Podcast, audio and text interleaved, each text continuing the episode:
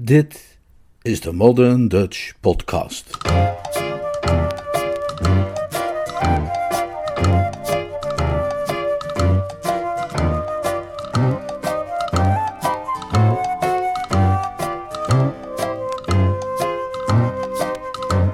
Jill the Musical.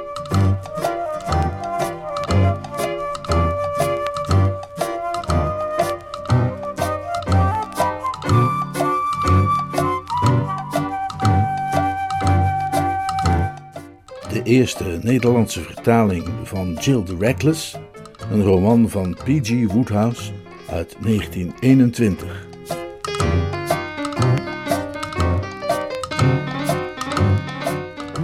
Vertaald en voorgelezen door Leonard Beuger.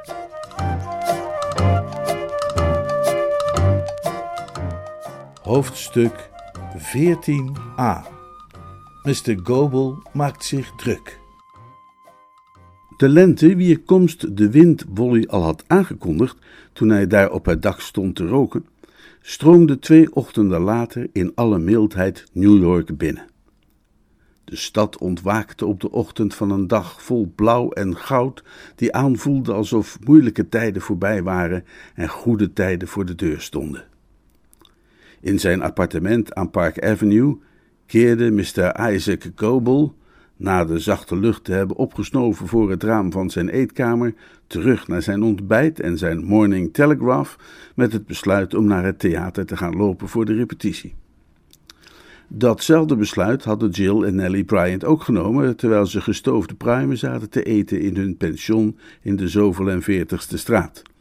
Wally Mason, die op het dak van zijn wolkenkrabber Zweedse oefeningen deed, tot groot vermaak van verscheidene kantoorbedienden en typistes achter de bovenste ramen van omliggende gebouwen, voelde zich jeugdig en krachtig en optimistisch en onderweg naar zijn badkamer dacht hij aan Jill. En ook de jonge Pilkington dacht aan Jill, terwijl hij met zijn lange lijf in de kussens leunde en van zijn kopje ochtendthee nipte. Voor het eerst in een aantal dagen bevrijd van de sombere stemming die hem had getroffen, kende Otis Pilkington weer gelukkige dagdromen. Otis' opgewekte stemming was echter niet geheel, of zelfs niet in de eerste plaats, te danken aan de verbetering van het weer. Die vond zijn oorsprong in een gesprek dat de vorige avond had plaatsgevonden tussen hemzelf en Jill's oom Chris. Hoe het precies zo was gekomen, was Mr. Pilkington niet helemaal duidelijk, maar op de een of andere manier, eer hij zich helemaal bewust was van wat hij zei, was hij begonnen in Major Selby's welwillend oor de geschiedenis te vertellen van zijn romance. Aangemoedigd door diens vriendelijke interesse, had hij hem alles verteld. Over zijn liefde voor Jill en zijn hoop dat die ooit zou worden beantwoord, en over de moeilijkheden die de situatie compliceerden ten gevolge van de bekende vooroordelen die Mrs. Watersley Pegram koesterde met betrekking tot meisjes die tot het ensemble behoren van een muzikale komedie. Naar al deze ontboezemingen had Major Selby met grote aandacht geluisterd en tenslotte had hij een lumineuze suggestie gedaan, zo eenvoudig en tegelijkertijd zo treffend, als die alleen afkomstig kon zijn van een echte man van de wereld. Het was Jill's jeugdige ambitie, zo viel uit Major Selby's woorden op te maken, ooit een rol te kunnen spelen in de wereld van de film. De film was haar streven. Wat, onderbrak hij zichzelf om te vragen, vond Pilkington van dat idee? Pilkington vond het een schitterend idee. Miss Mariner, met haar uiterlijk en haar charme, zou geweldig geschikt zijn voor de film. Dat meisje, zei oom Chris, kon wel eens een heel goede toekomst hebben in de film. Mr. Pilkington was het daar van harte mee eens. Een geweldige toekomst.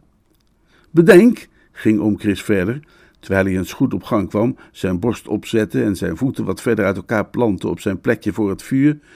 Bedenk hoe het de hele zaak zou vereenvoudigen als Jill een ster zou worden van de filmindustrie en roem en rijkdom zou weten te verwerven in haar beroep. Jij gaat dan op een dag naar je illustre tante en kondigt aan dat je je hebt verloofd met Jill Mariner. Dan blijft het even stil. Toch niet de Jill Mariner, stamelt Mrs. Pegram dan. Jawel, de beroemde Miss Mariner, antwoord jij. Nou ja, dan vraag ik je, mijn jongen, zie jij haar daar enig bezwaar tegen maken? Dat zou absurd zijn. Nee, ik kan geen fout ontdekken in een dergelijk plan. Hier bleef oom Chris even stil, precies zoals hij zich had voorgesteld dat Mrs. Pegram zou doen. Maar ja, daar zouden natuurlijk wel een paar dingen aan moeten voorafgaan. Aan voorafgaan?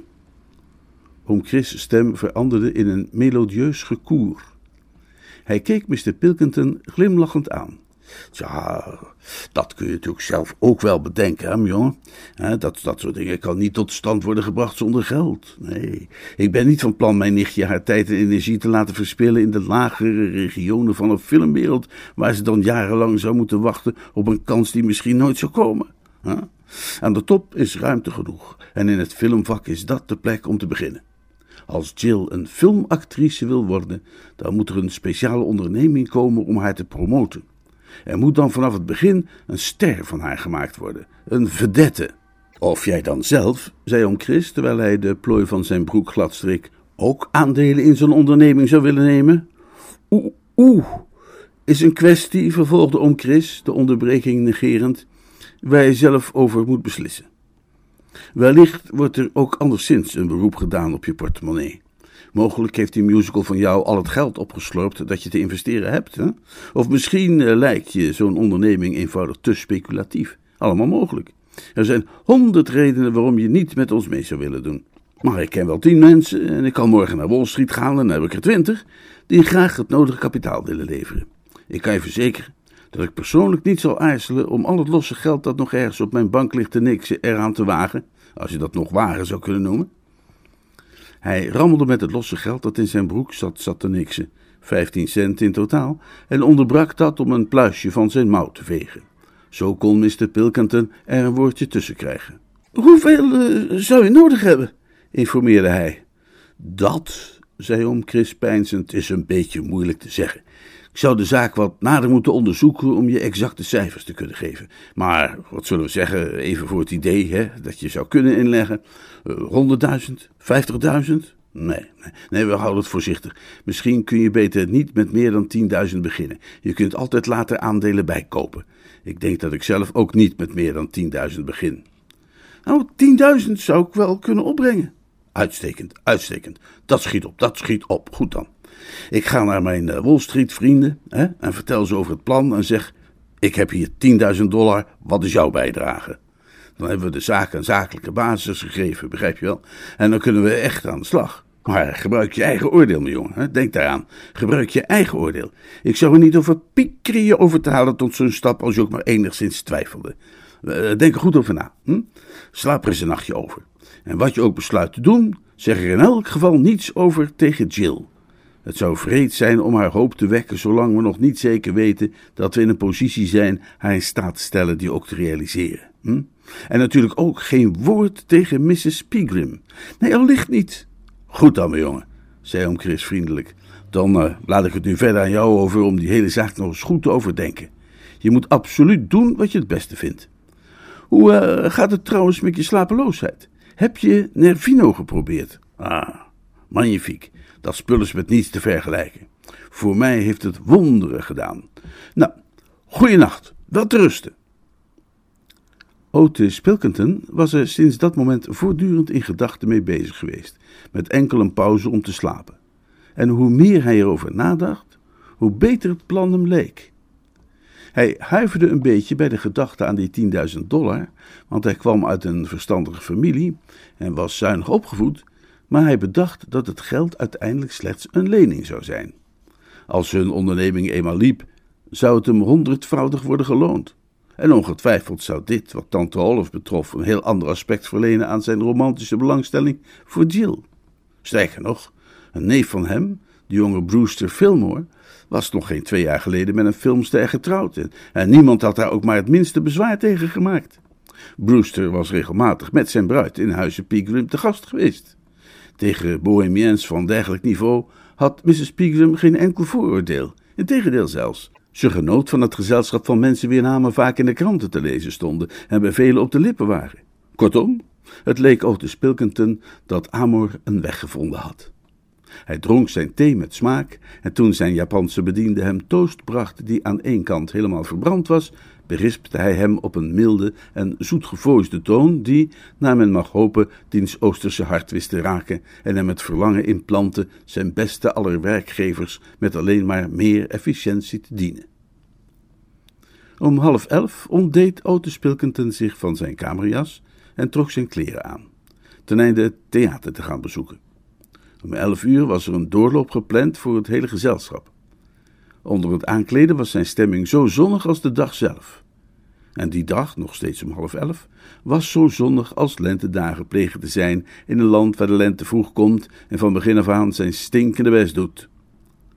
De blauwe lucht glansde boven een gelukkige stad en de stedelingen spoedden zich driftig heen en weer, zelf ook glanzend vanwege het heerlijke weer. Overal heerste vrolijkheid en optimisme, behalve op het podium van het Gotham Theater, waar Johnson Miller een vroege repetitie had verordineerd. Voorafgaand aan de algemene doorloop, om nog wat kreukeltjes glad te strijken uit Mijn Hart en Ik, een nummer dat de hoofdrolspeelster met de mannen uit het ensemble zingend en dansend op de achtergrond ten gehore zou brengen in het eerste bedrijf. Op het podium van Gotham heerste duisternis, letterlijk, omdat het een breed en diep podium was waar maar een enkel elektrisch peertje brandde, en figuurlijk, omdat het nog beroerder ging dan normaal met mijn hart en ik, en Johnson Miller, altijd al iemand met een emotioneel en licht ontvlambaar temperament, door de incompetentie van zijn zangers tot een staat van razernij werd gebracht. Ongeveer op het moment dat Otis Pilkington zijn gebloemde kamerjas uittrok en naar zijn broek greep, de heidekleurige met het rode friemeltje, stapte Johnson Miller in de smalle ruimte tussen de orkestbak en de eerste rij stoelen heen en weer, zwaaiend met zijn ene hand en zich zijn witte lok uit het hoofd trekkend met de andere, terwijl hij zijn stem verhief in een gekweld protest. Heren, stelletje stomme idioten! klaagde Mr. Miller luid. Jullie hebben drie weken de tijd gehad om die passen in die domme koppen van jullie te krijgen. En je kunt er verdomme nog steeds niks van.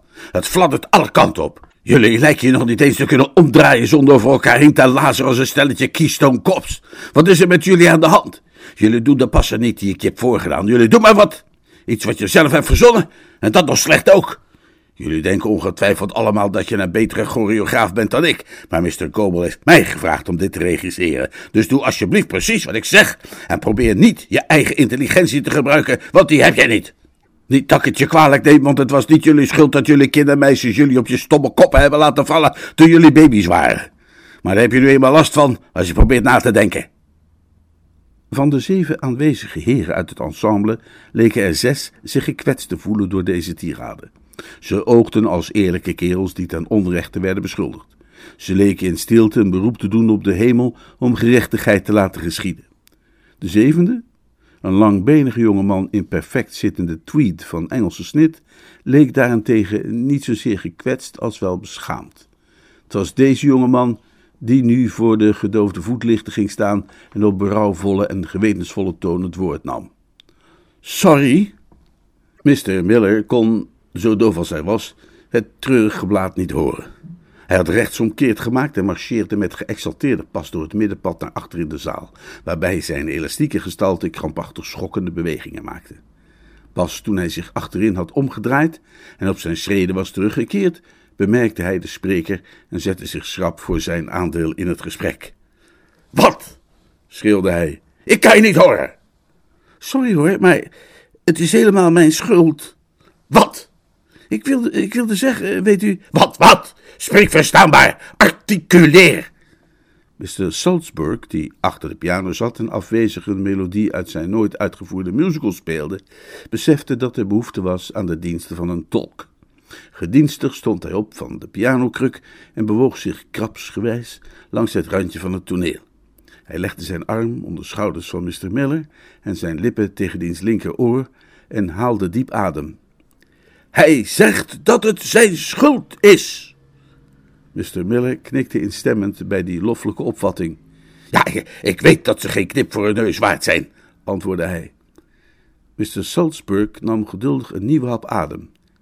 Deze jonge man zegt dat het zijn schuld is dat hun passen fout gingen. Zeg tegen hem dat ik er vanmorgen pas bijgekomen ben, alsjeblieft, knabel, drong de in tweet gehulde jonge man aan. Hij is er pas sinds vanmorgen bij. Dit verbaasde Mr. Miller. Blij? Blij? Hoe bedoel je blij? vroeg hij. Mr. Salzburg deed, paars in het gezicht, een laatste poging. Die man is nieuw, brulde hij voorzichtig, zich voor de zekerheid beperkend tot woorden van één lettergreep. Hij kent die dans nog niet. Het is voor hem dag één, zegt hij. Dus weet hij nog niet hoe die dans gaat. Als hij wat meer tijd krijgt, komt het wel goed. Maar nu lukt het hem nog niet. Uh, ja, wat hij wil zeggen, legde de jongeman in tweet behulpzaam uit, is dat ik die dans nog helemaal niet ken. Hij kent die dans niet, brulde Mr. Salzburg. Ja, dat zie ik dat hij die dans niet kent, zei Mr. Miller. Maar waarom niet? Hij heeft tijd genoeg gehad om die in te studeren. Nee, hij is nieuw. Huh? Nieuw. Oh, nieuw. Ja, nieuw. Hoe verdomme is hij nieuw? riep Mr. Miller in één klap met de waarheid geconfronteerd en vervuld met een gevoel van verontwaardiging. Waarom is hij niet gelijk gekomen met de rest? Hoe kan ik nu balletnummers instuderen als er elke dag nieuwe dansers komen aankakken? Wie heeft hem dan aangenomen? Wie heeft jou aangenomen? vroeg Mr. Salzburg aan de boosdoener. Mr. Pilkington. Mr. Pilkington, bulderde Mr. Salzburg. Wanneer? Wanneer? Gisteravond. Gisteravond. Mr. Miller gooide zijn handen in de lucht in een gebaar van grootgoddelijke wanhoop, draaide zich om, beende het gangpad door, keerde om en beende terug. Wat kan ik doen? jammerde hij. Mijn handen zijn gebonden, ik zit vast. Ik ben gehandicapt. We openen over twee weken en elke dag zit er weer een nieuw iemand in het gezelschap en breekt alles af wat ik heb opgebouwd. Ik ga naar Mr. Coble en vraag of hij mijn contract wil verscheuren. Ik ga. Kom op, kom op, verdomme. Hij brak plotseling af. Wat staan we hier onze tijd te verspillen? Nog een keer dat hele nummer. Nog een keer het hele nummer vanaf het begin. De jongeman in tweet wankelde terug naar zijn vriendelijke heren collega's, terwijl hij zenuwachtig zijn vinger langs de binnenkant van zijn boordje haalde. Hij was dit soort dingen niet gewend. Ondanks zijn ruime ervaring met amateurtheater had hij zoiets nog nooit meegemaakt. In de adempauze die ze even hadden terwijl de actrice die de heldin speelde in de Amerikaanse Roos het eerste couplet en het refrein zong, zag hij kans om de danser naast zich te raadplegen. Zeg eens, is hij altijd zo? Wie? Johnny? Nee, die, die, die makker met het haar dat in één nacht spierwit werd. Die we zo hoorden blaffen aan de einder. Heeft hij het vaker op zijn heupen? Zijn collega glimlachte verdraagzaam. Nou, dat was nog niks, antwoordde hij. Wacht maar, je hem een keer echt los ziet gaan. Dit was nog maar een zacht gefluister. Mijn god, zei de nieuwkomer, een sombere toekomst tegemoet ziend. De hoofdrolspeelster kwam aan het eind van het refrein en de heren van het ensemble, die op de achtergrond hadden rondgehangen, begonnen behendig in een dubbele rij in haar richting te buigen. De nieuweling, die zijn naaste buur nauwlettend in de gaten hield, probeerde al even behendig te buigen als de andere. Een handgeklap uit de donkere zaal gaf, weinig tactvol aan, dat hij daarin niet was geslaagd. Mr. Miller kon, vaag, worden waargenomen met al zijn vingers verstrengeld in zijn haar. Van dat podium af, riep Mr. Miller. Nee, jij niet, schreeuwde hij, terwijl de laatste aanwinst van het ensemble met de anderen mee wilde afgaan. Jij blijft! Wie, ik? Ja, jij. Ik zal je die passen zelf moeten leren, anders komen we nergens. Naar achteren jij. Het nummer nog een keer, Mr. Salzburg. Goed. Als het ballet begint, loop je naar voren. Sierlijk! Sierlijk! De jongeman begon, blozend maar vastbesloten, gracieus naar voren te lopen. En het was terwijl hij dat deed dat Jill en Nellie Bryant, die tussen de coulissen waren komen staan, waar het zo tegen elf behoorlijk druk begon te worden, hem zagen. Wie is dat in hemelsnaam? vroeg Nellie. Een nieuwe, antwoordde een van de heren van het ballet, vanmorgen erbij gekomen. Nellie wendde zich tot Jill. Hij lijkt precies op Mr. Rook, riep ze uit. Het is Mr. Rook, zei Jill. Maar dat kan toch niet? Hij is het. Maar wat doet hij hier? Jill beet op haar lip. Dat is precies wat ik hem zelf ga vragen, zei ze.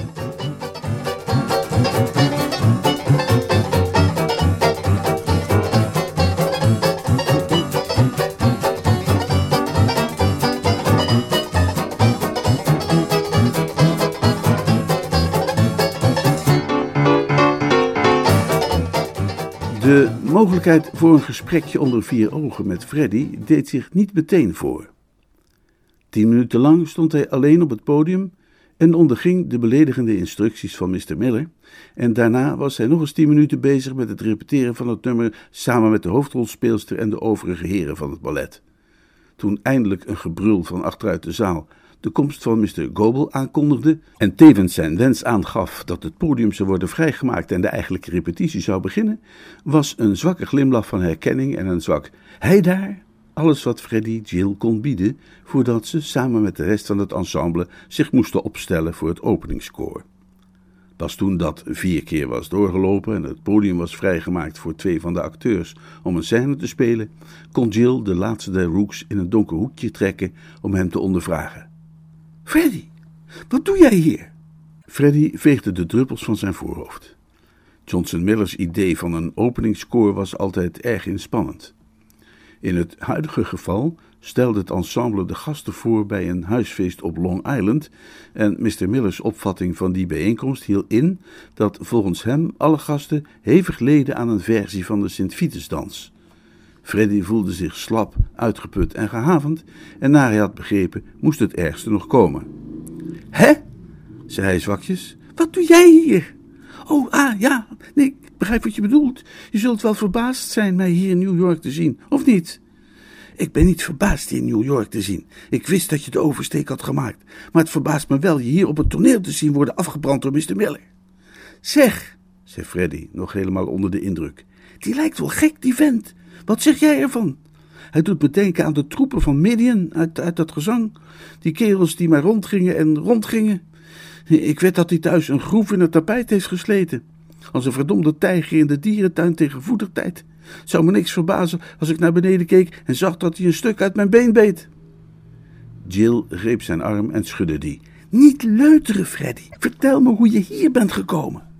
Nou, dat was vrij eenvoudig. Ik had een introductiebrief meegekregen voor die Pilkington-figuur die de productie doet van deze voorstelling. En omdat we in de afgelopen dagen prima met elkaar konden opschieten, heb ik hem gevraagd of ik niet aan dit vrolijke gezelschap kon worden toegevoegd.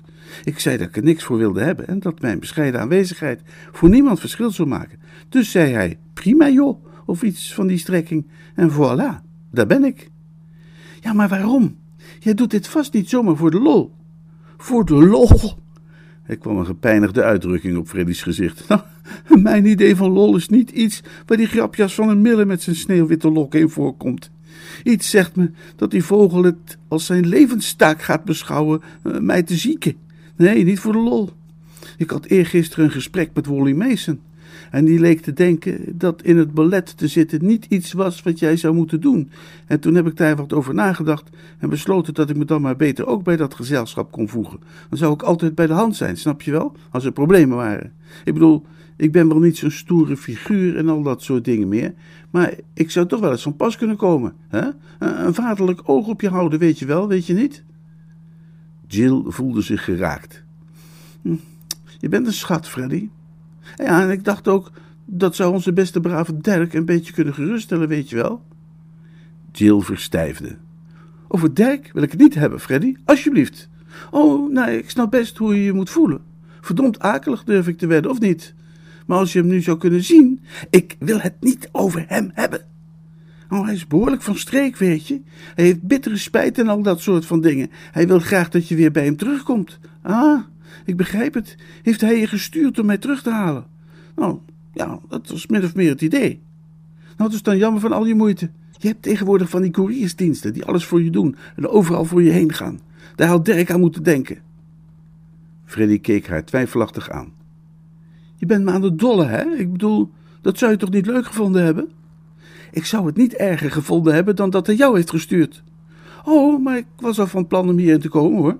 Ik wilde dolgraag Amerika eens zien en al dat soort van dingen meer. Jill keek langs hem heen naar het duistere podium. Haar gezicht stond strak en haar ogen waren somber. Maar kun je het dan niet begrijpen, Freddy? Jij kent me al heel lang. Ik zou denken dat je inmiddels wel had ontdekt dat ik mijn trots heb. Als Dirk me terug had willen hebben, was er maar één ding dat hij had kunnen doen: hierheen komen en me persoonlijk opzoeken. Nou, dat is mal. Dat is precies wat Wally Mason zei toen ik het hem vertelde. Maar jullie tweeën beseffen niet hoe verdomde druk Dirk het tegenwoordig heeft. Druk! Iets in haar gezicht leek Freddy te vertellen dat hij niet het juiste had gezegd, maar hij schutterde verder. Nou ja, je hebt gewoon geen, geen idee van hoe druk hij het heeft. Ik wil maar zeggen, er zijn verkiezingen op komst enzovoorts. Hè? Hij durft Londen niet te verlaten. Nee, je kon uiteraard niet van hem verwachten dat hij iets zou doen dat zijn carrière zou kunnen schaden, toch? Nee, natuurlijk niet. Ik wist wel dat je dat ook zou vinden, zei Freddy, opgetogen over haar redelijkheid. Allemaal flauwekul wat je leest over vrouwen, dat die zo weinig redelijk zouden zijn. Dus uh, ik neem aan dat het weer in orde is, hè? In orde? Ik bedoel, je komt bij eerste gelegenheid weer naar huis getuft om onze arme brave Dirk gelukkig te maken. Jill liet een vals lachje horen. Onze arme brave Dirk, echode ze. Die zo slecht behandeld is, hè? Nou, dat zou ik nog ook weer niet willen zeggen, zei Freddy wijfelachtig. Spuntje bij paaltje komt, was het toch min of meer wel zijn eigen schuld, niet? Min of meer. Ik wil maar zeggen, min of meer. Freddy keek haar angstig aan. Hij wist niet zeker of hij wel zo blij was met de manier waarop ze keek of de toon waarop ze sprak. Hij was geen scherpe waarnemer, maar op dit punt begon er toch wel een vermoeden tot zijn hersencelletjes door te sijpelen dat niet alles helemaal lekker was. Gola, even recapituleren, zei Freddy bedachtzaam tegen zijn onsterfelijke ziel. Ik geloof dat er een beetje de draak met me wordt gestoken. Vervolgens bleef het even stil. De complexiteit van het leven begon Freddy tot een last te worden. Het leven was als zo'n slag bij squash, die zo simpel lijkt dat je verwacht hem dwars door de muur te slaan, maar dan vlindert die bal opeens een beetje van je weg en je mist hem. Het leven, begon Freddy in te zien, had de neiging om een akelige backspin te vertonen. Toen hij vertrok, twijfelde hij er niet aan dat het enige lastige deel van zijn expeditie naar Amerika zou zijn het vinden van Jill. Hij had aangenomen dat als hij haar eenmaal had gevonden, ze blij zou zijn om zijn goede nieuws te horen en dolgelukkig op de eerstvolgende boot met hem mee terug zou gaan naar huis. Het bleek nu echter dat hij zich de zaken te positief had voorgesteld. Optimistisch als hij was, moest hij toegeven dat, voor zover met het blote oog kon worden vastgesteld, het feest een probleem, een struikelblok, een complicatie had ontwikkeld. Hij benaderde de zaak nog maar eens van een andere kant. Zeg, ja, je houdt toch nog van onze vriend Dirk, is het niet? Ik wil maar zeggen, je snapt wat ik bedoel, hè? Je, je, je houdt toch van hem en al dat soort gedonderstraal meer? Nou, dat weet ik zo net niet. Dat weet je niet? Maar nou zeg, kom op, dat moet je toch weten. Doe niet zo mal, mijn beste kind. Ik bedoel, even zonder gekheid. Je houdt van iemand of je houdt niet van hem. Jill glimlachte pijnlijk. Wat zou het mooi zijn als alles zo eenvoudig en duidelijk was. Heb je nooit gehoord dat de scheidslijn tussen liefde en haat maar zo dun is als een haar? Dichters hebben dat al zo vaak gezegd. Oh ja, dichters, zei Freddy en wuifde die hele categorie weg met een misprijzend handgebaar. Op school had hij Shakespeare moeten lezen en al dat soort van dingen, maar dat had hem allemaal koud gelaten en sinds hij tot de jaren des verstands was gekomen, had hij het poëet en gilde verder volledig links laten liggen. Hij vond die dingen van Dos Chitterdos in de Sporting Times wel leuk, maar verder was hij niet zo'n liefhebber van de poëzie. Begrijp je dan niet dat een meisje in mijn situatie het lastig vindt om te beslissen of ze van iemand houdt of juist helemaal niet? Freddy schudde zijn hoofd. Nee, zei hij, klinkt mij in de oren als geleuter. Nou, waarom zou je dan nog verder met me praten, riep Jill. Mij doe je er alleen maar pijn mee. Maar, maar, wil je dan niet terugkomen naar Engeland? Nee. Nou ja, zeg. Wees eens sportief. Probeer het gewoon nog een keer. Jill lachte weer. Opnieuw zo'n snerpende lach die Freddy een gevoel van onheil en mislukking inboezemde. Er was ongetwijfeld ergens zand tussen de raderen gekomen. Hij begon te vrezen dat hij ergens in het gesprek, precies waar kon hij niet zeggen, minder diplomatiek was geweest dan hij had kunnen zijn. Je praat net alsof je me uitnodigt voor een tuinfeestje. Maar nee, dus ik, ik ga het niet gewoon nog een keer proberen. Jij moet nog veel leren over vrouwen, Freddy. Vrouwen zitten heel vreemd in elkaar, gaf de verbijsterde ambassadeur toe. Jill wilde bij hem weglopen. Ga nog niet weg, drong Freddy aan. Waarom niet? Wat heeft het voor zin om nog langer te praten? Heb je wel eens een arm of een been gebroken, Freddy? Ja, zei Freddy verbaasd. Eh, tijdens mijn laatste jaar in Oxford, bij een vriendschappelijke wedstrijd, eh, voetbal, voor de Unie, liep een of andere sukkel me ondersteboven en ik kwam op mijn pols terecht, maar deed dat pijn? Als de hel! En daarna is het gaan genezen, neem ik aan? Ben je toen tegen die pols gaan lopen slaan of porren of eraan gaan draaien? Of heb je die met rust gelaten, zodat het langzaam beter kon worden? Over Dirk praat ik niet meer. Dat doe ik gewoon niet. Ik ben er innerlijk helemaal stuk van en ik weet niet of het ooit nog beter zal worden, maar ik ga mezelf tenminste de kans bieden. Ik werk zo hard als ik kan en ik dwing mezelf om niet aan hem te denken.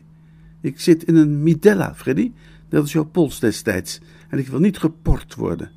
Ik hoop dat we veel van elkaar zullen zien terwijl je hier bent. Je bent altijd de liefste jongen van de wereld geweest, maar je moet het niet meer over Dirk hebben. En je moet me ook niet meer vragen om terug te gaan naar Engeland. Als je over die twee dingen je mond houdt, zullen we samen zoveel plezier hebben als het maar kan. En nu ga ik even weg, zodat je met die arme Nelly kunt babbelen. Ze hangt hier al tien minuten rond en wacht alleen maar op een kans om met je te kunnen praten. Ze is helemaal verzot op jou, weet je? Freddy schrok hevig op. Ach, nee zeg, wat een onzin. Jill was weg en hij stond haar nog na te staren toen Nelly Bryant naar hem toe kwam. Verlegen, als een aanbidder die een heiligdom nadert.